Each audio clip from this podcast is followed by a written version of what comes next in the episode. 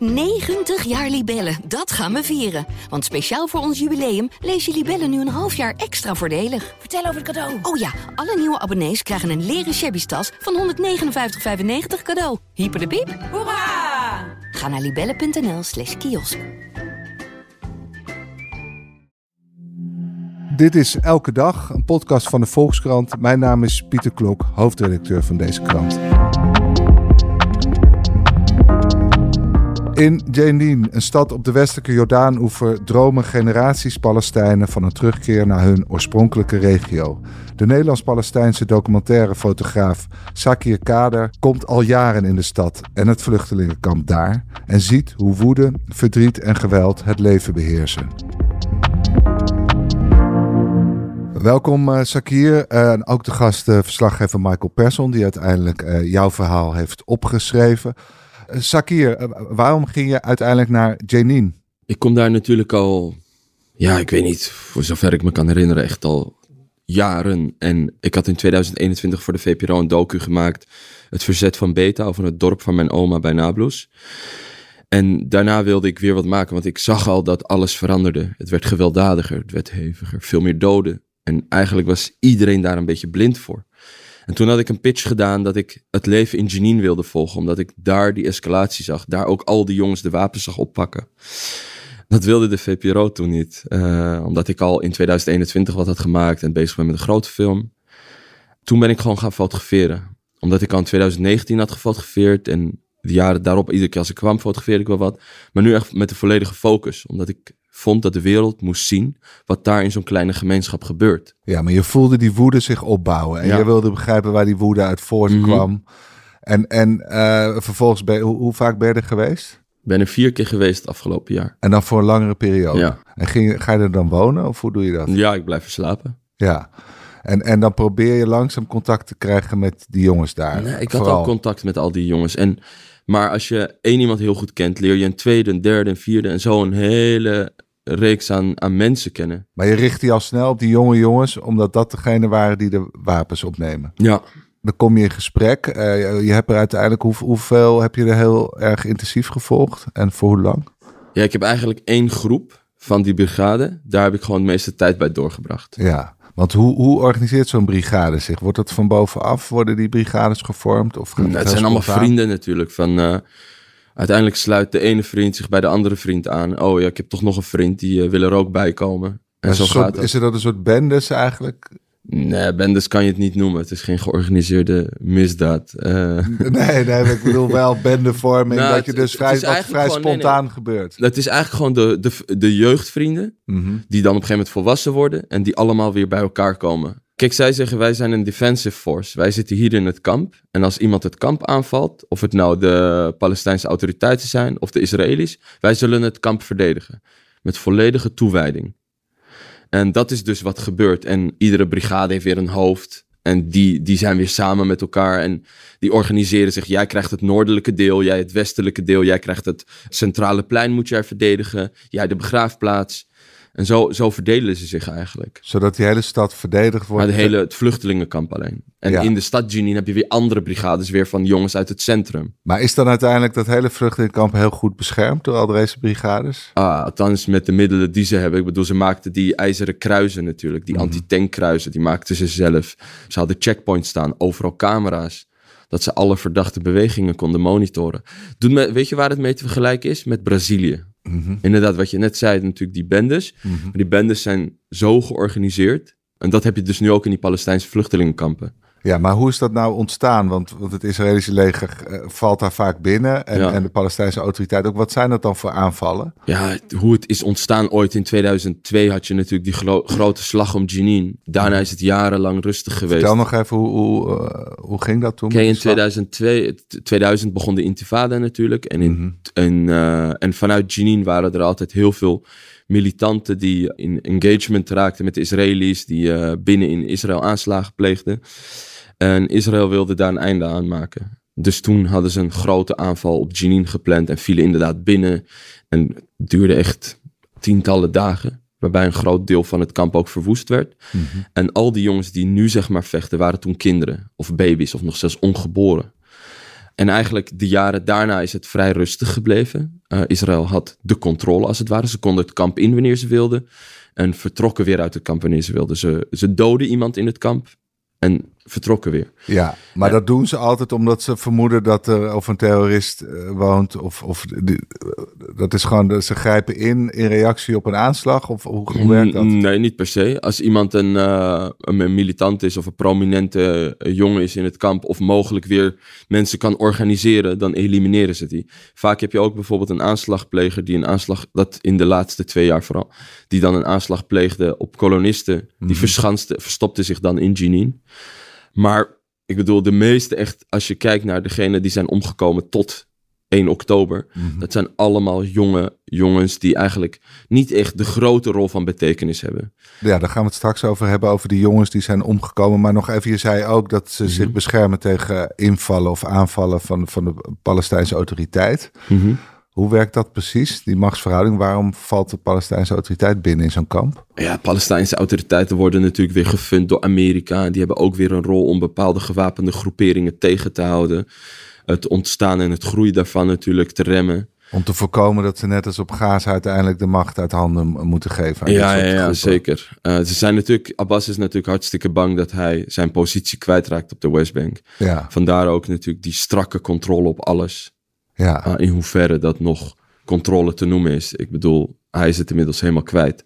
En uh, in de kampen heeft hij sowieso geen macht. ja. Omdat daar jongens zich hebben georganiseerd tegen alles wat van buiten het kamp, het kamp wil invallen.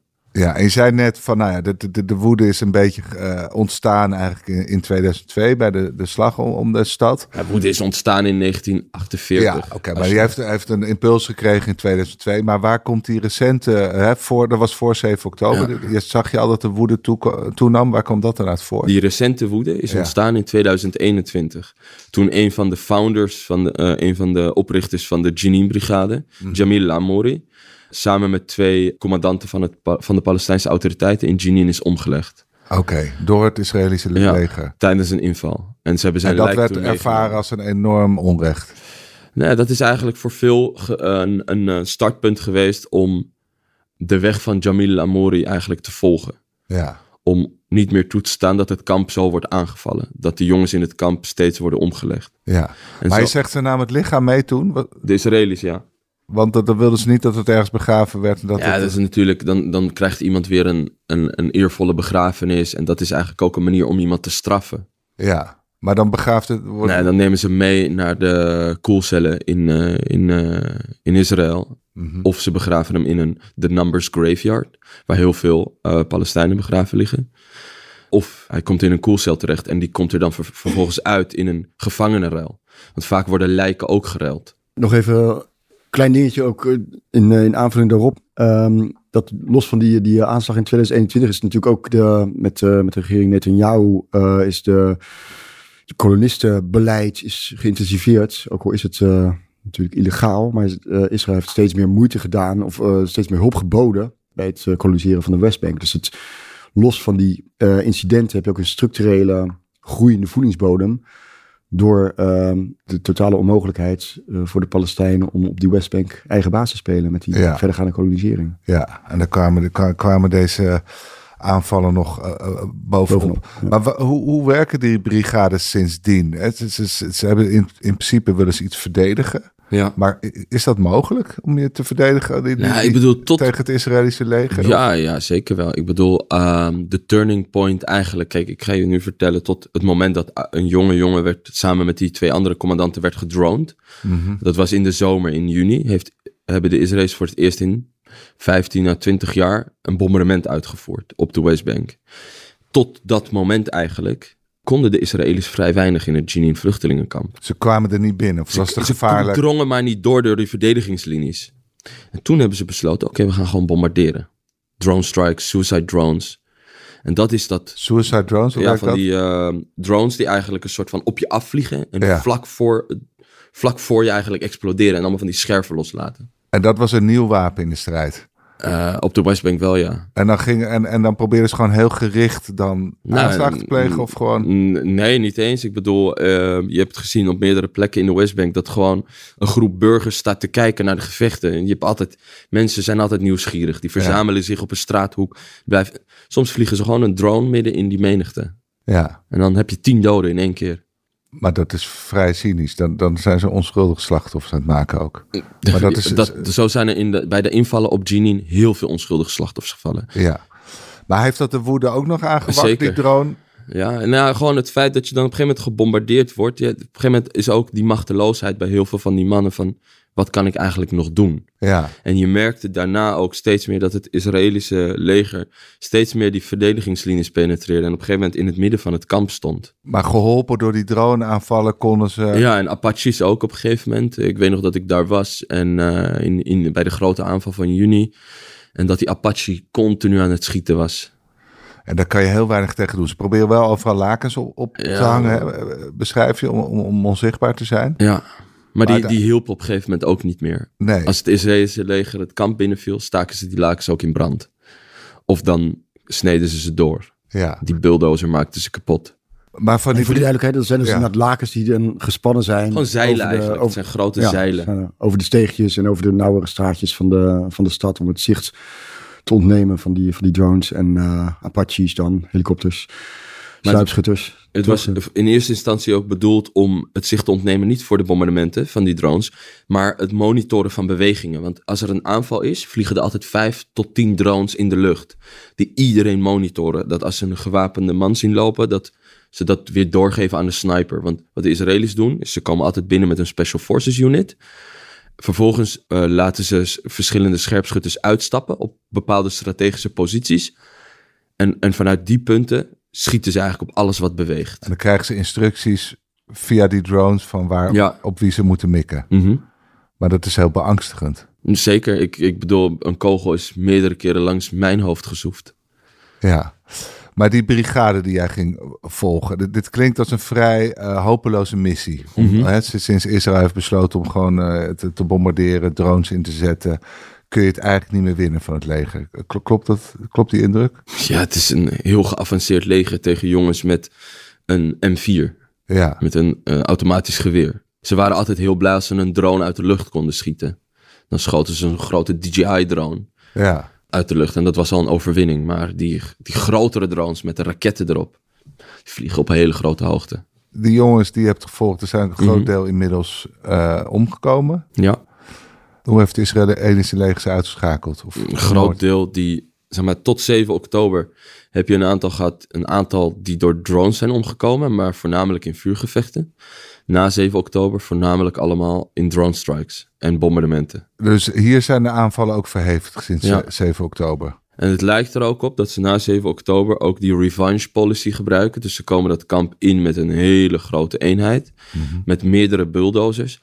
Bulldozeren alle wegen in het kamp om het leven daar onmogelijk te maken. En bombarderen alles wat ze zien. Want die poort, die hebben ze ook al vrij snel, eh, die, die moest ook naar beneden, toch? Ja. Waarom was dat zo belangrijk? Omdat die poort symboliek is voor de terugkeer naar de gebieden van waar ze ooit verdreven zijn. Ja, die moest plat. Het is gewoon revenge natuurlijk. Ook alle rotondes in, in Jenin, in de, in de stad zelf en in, de, in het kamp zijn allemaal kapot gebulldozerd. Waaronder ook dus de memorial stone van uh, Shirin Abu Akleh, de journaliste die de Israëli's hebben doodgeschoten. Zo kapot gemaakt. Ja. Maar hoe, hoe is het daar nu dan? Wat, hoe is de stemming? Wordt, er- komt er nog meer woede of is er een soort, soort Meer zijn ze lam geslagen? Ben je een beetje lam geslagen, kan je zeggen, ja. Want heel veel inwoners zijn het kamp ontvlucht, als het ware. Die hebben nu huizen gehuurd in de dorpen rondom Jenin. En het is, het is vrij ontoegankelijk. De hele riolering ligt open. Als je gewoon geen eens een fatsoenlijke infrastructuur meer hebt.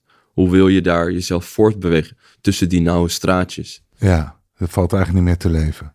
Nou, op dit moment niet, nee. Nee. En dat, dat is ook precies een doel eigenlijk. Want het, het kamp is, eh, het is ook geen, het blijft natuurlijk het woord kamp heten eh, vanwege de tenten waarmee het ooit begonnen is in 1948.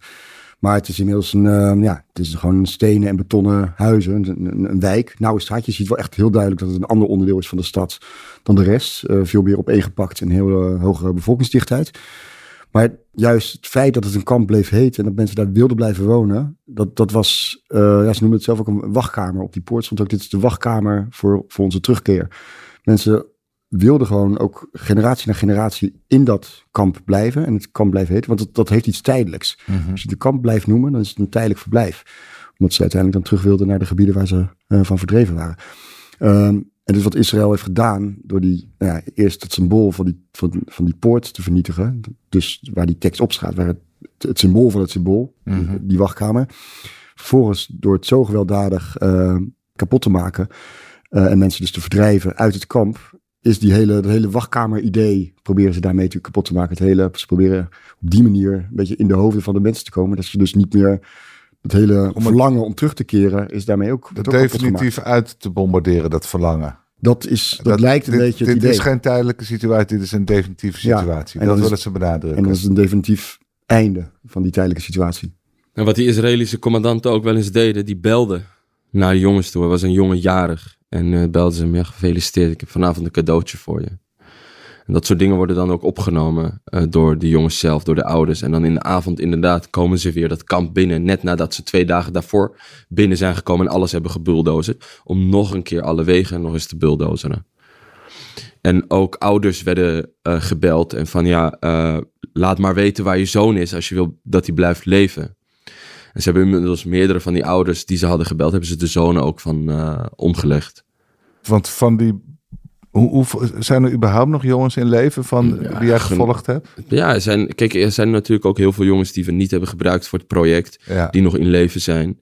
Heel veel die er niet in het project zitten, die ook omgekomen zijn. Eh, maar wat je nu dus krijgt, is dat heel veel jongens die niet vochten, die gewoon naar school gingen, die nu zeggen van, ik wil wraak nemen voor mijn neef, voor mijn broer, voor mijn oom, voor mijn beste vriend. En dat is eigenlijk hoe dit groot is geworden. Het begon met Jamil Lamouri, die is omgelegd. Zijn vrienden wilden wraak nemen voor hem, die vrienden werden omgelegd. Weer een grotere groep vrienden. Het is eigenlijk zo blijft die cirkel rondgaan. En dat gebeurt niet alleen hier, maar ook op andere plekken waarschijnlijk, waar. Israël nu... eh, Zeker. Ik bedoel, en dit is de Westbank. En dit is de Westbank voor 7 oktober. Toen eigenlijk alle camera's wegkeken. Toen iedereen al dat conflict daar, de bezetting normaliseerde. Van het is al 75 jaar aan de gang. What's nieuw? ja, Dat is altijd wat je te horen krijgt. Maar onderdrukking mag nooit als genormaliseerd worden. nee, maar hij wordt ook heviger en veel heviger, die Zeker, onderdrukking. vooral met die rechtse regering en het vrij spel wat het Israëlische leger nu in, in, in de Westbank heeft en in Gaza.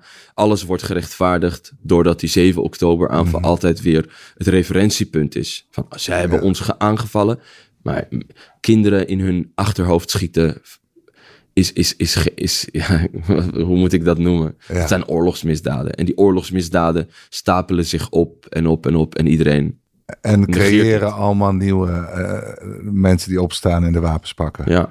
Maar welk verhaal is jou het meest bijgebleven van alle jongens die je hebt gevolgd, eh Sakir?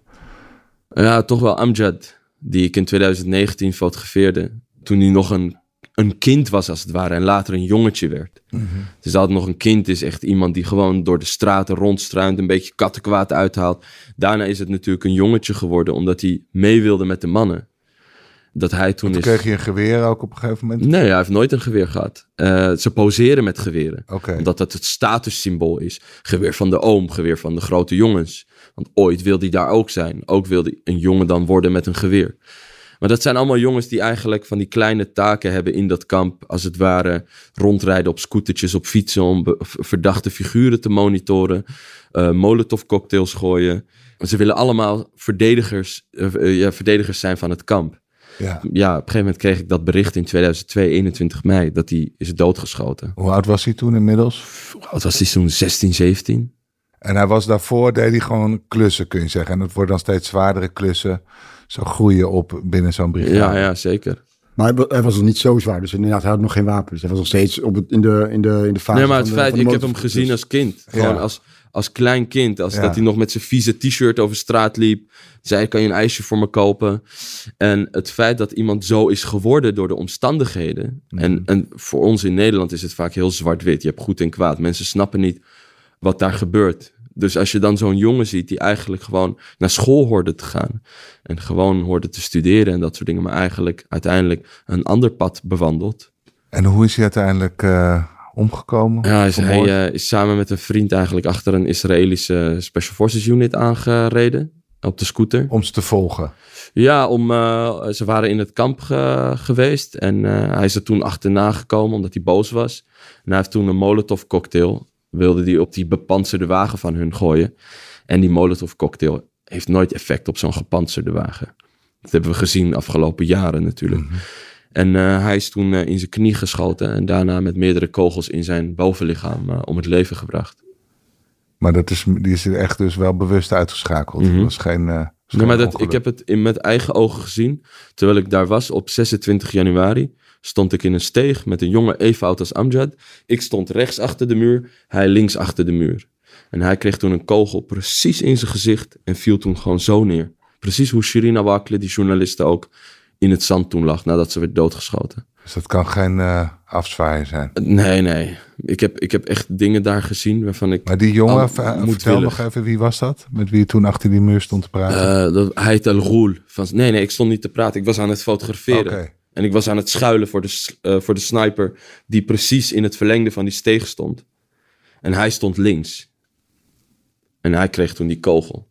Maar ben je nooit bang geweest, omdat er toch ook wel steeds meer verhalen zijn dat ze journalisten uh, mogelijk bewust uitschakelen? Ja, ik dat... ben altijd bang. Ik bedoel, altijd als er zo'n. Ik heb dingen daar meegemaakt, al sinds 2021 natuurlijk, dat net niet de dood in de ogen heb gekeken, maar wel mensen die om je heen waren. Um, maar ik blijf mijn werk altijd doen met uh, veel voorzichtigheid. Ik pas altijd gewoon op en maar ja, ik... ik, ik meld je dan ook bij het Israëlische leger of hoe werkt dat? ja, ik weet niet. Dat of is dat heel gek? Nee, nee, dat is heel gek. Ik bedoel... Uh, Heb je wel een pershesje Press dragen is ja. nog gevaarlijker dan geen press dragen. Maar Met dat press is bizar? een moedwillige doelwit. 77 journalisten in Gaza omgekomen. 77 mensen met press of mensen die dan thuis zaten. Maar eigenlijk kan je dus op geen enkele manier beschermen, behalve goed opletten. Het, het, is goed. Het is, wordt gewoon niet gezien door de sniper en you're safe. Ja. En dan heb je altijd nog de drone, maar dat heb je niet in de hand. Want die, kun je, die, die, die kan overal opduiken. Ik bedoel, die, die denkt echt niet, oh, dit is een journalist. Nee, je mag niet bombarderen. Door alle, alle conventies van Genève worden geschonden. Ik bedoel, als daar nou een... Uh, een, een, uh, maar je zegt, je voelt je dus nooit veilig. Het is altijd nee. angstig om je ja, werk ja, te ja, doen. Je staat continu stijf van de, van de... Adrenaline, ja. Ja. En, en uh, dat ik, als ik nu dapper ga zijn en zeg van nee, ik ben niet bang. Nee, dat is.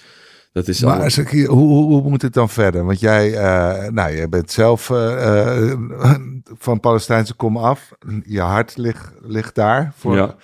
Maar tegelijkertijd moet je constateren dat het bijna onmogelijk wordt om daar te werken, toch? want het is alleen nog maar gevaarlijker geworden sinds jij dit project hebt gedaan. Kunnen we die verhalen straks nog wel maken? Ja, zeker wel. Ik wil als in Gaza nog steeds doorgaan en ons laten zien wat daar gebeurt. Waarom zouden wij dat niet kunnen doen in de Westbank? Ja, maar dat zijn er heel weinig, hè, Gaza, die dat nog doen. Ja, dan, dan ben ik dadelijk maar straks een van die weinigen die dat nog steeds doet. Want de wereld moet blijven zien wat daar gebeurt.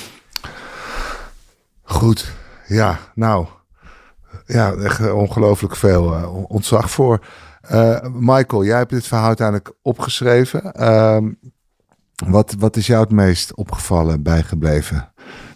Nou, sowieso de, de intensiteit van de, van de foto's van Sakir. Dat je, kijk, wat we als krant willen laten zien, is de menselijke kant van het verhaal, alle verhalen.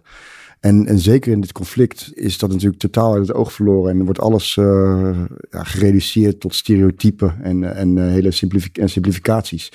En terwijl dit het een van de meest, ja, dit is gewoon een enorm complexe situatie. Dus het enige wat je dan moet, kan doen, of zou moeten doen als, als journalist, is uh, ja, de mensen laten zien, mensen in de ogen kijken en foto's maken uh, of ze beschrijven. Dus eigenlijk die, zeg maar, die intensiteit, het project of de uh, publicatie eindigt ook uiteindelijk met een filmpje waarbij je matcht. Een van de jongens die Sakir heeft gevolgd, ziet met een draagbaar waarop een, een, doodgeschoten vriend ligt.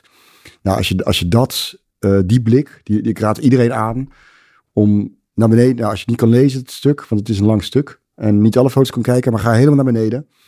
Kijk naar dat filmpje. Kijk naar dat gezicht van deze jongen. Want dan zie je ja, die hele combinatie van verdriet natuurlijk in instantie.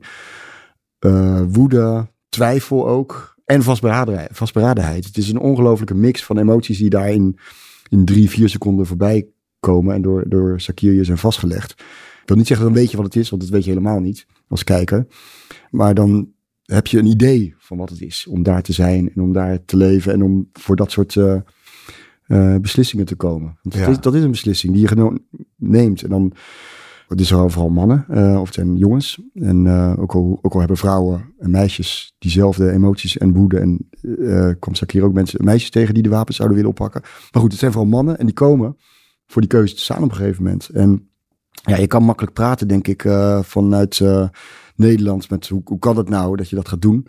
Of dat je überhaupt uh, dat over, je overweegt. Je, als, ook, als je ook naar school kan gaan, als er een ander uh, alternatief leven voor je klaar ligt. Maar dat alternatief is er, ten eerste is dat er nauwelijks.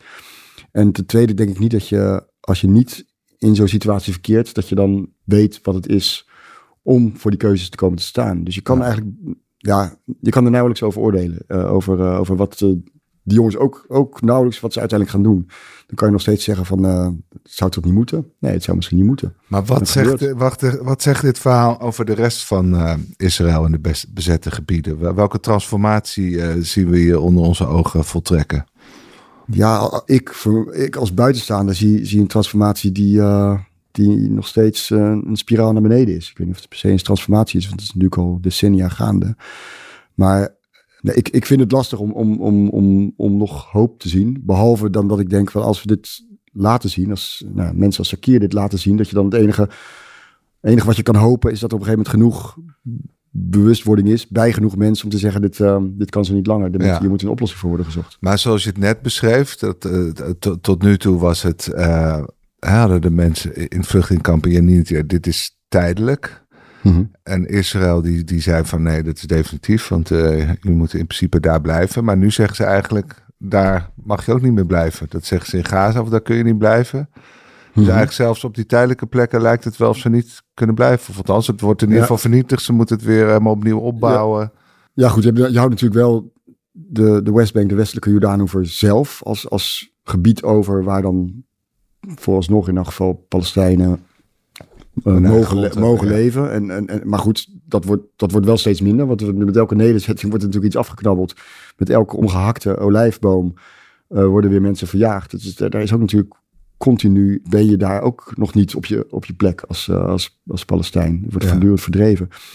Dus ja, ja, ik ben geen politicus gelukkig. Maar als je ergens moet beginnen, dan is het te beginnen te stoppen met het nederzettingbeleid. En, en, en beginnen met een, met in ieder geval die die plek die er nu is, om die... Uh, daar vanaf te blijven. Ja, om daar vanaf te blijven. Ja, ja. Omdat die wat, in ieder geval wat uh, uh, minder tijdelijk te maken. Of minder, ja, Sakir, om met jou te eindigen. eigenlijk zag je hoe, hoe, hoe, de, hoe de woede centraal komt te staan in de levens van mensen. Daar zie je eigenlijk doordat de, de hele bruidschat wordt dan vaak in een geweer gestoken, mm-hmm. toch? Nou, kijk, je hebt jongens daar die kiezen ervoor om niet te trouwen. Dus het geld wat ze ooit hebben gespaard, ooit voor hun bruiloft die zeggen dan van, ja, als ik ga trouwen, dan laat ik straks een vrouw achter met kind. En ik, ja, ik ga toch uiteindelijk dood. Van waarom zou ik dat nog doen? En een geweer daar is super duur. Omdat het allemaal, allemaal gesmokkeld wordt en in, in stukken verzaagd weer bij de jongens komt, aan elkaar gelast, of allemaal verlast moet worden. Dus ze kiezen er vaak voor om dan liever een geweer te kopen dan zich te settelen. Want of ik settle me en de, de bezetter komt alsnog mijn kamp binnen en die komt mij toch aanvallen.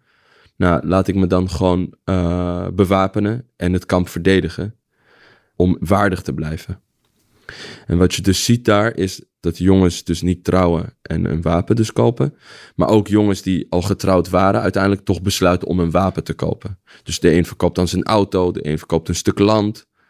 Maar dan hebben ze wel al een gezin en dan gaan ze alsnog ja, ja, ja, je hebt meerdere die gewoon een gezin hebben en alsnog toch besluiten om de wapens op te pakken. En, en dat doen ze naar pure woede of, of omdat er ook niet echt een alternatief is? Frustratie en uh, ja, of ik, of ik nou niks doe of wel wat doe, ze komen toch voor je. Ja. Dus gewapende jongens komen om, komen om en ongewapende jongens komen om. Dus hoe je het ook wendt of keert, op een dag komen ze voor je. Oké. Okay. Dankjewel, uh, Sakir, ja, voor je aangrijpende verhaal. Dankjewel, Michael. Hey, Thanks.